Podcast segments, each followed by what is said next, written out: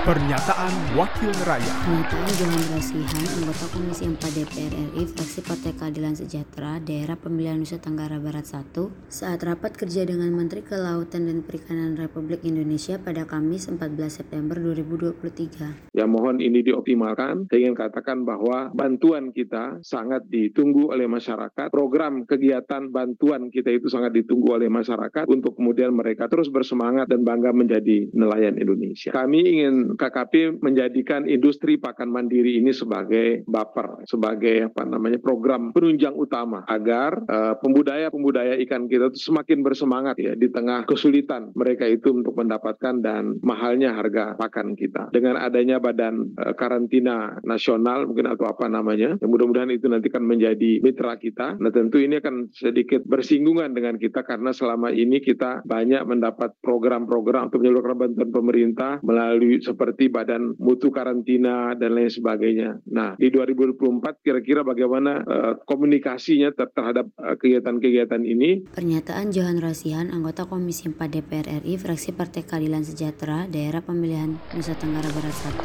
Produksi TV Radio Parlemen, Biro Pemberitaan Parlemen, Kedua Pernyataan Wakil Rakyat.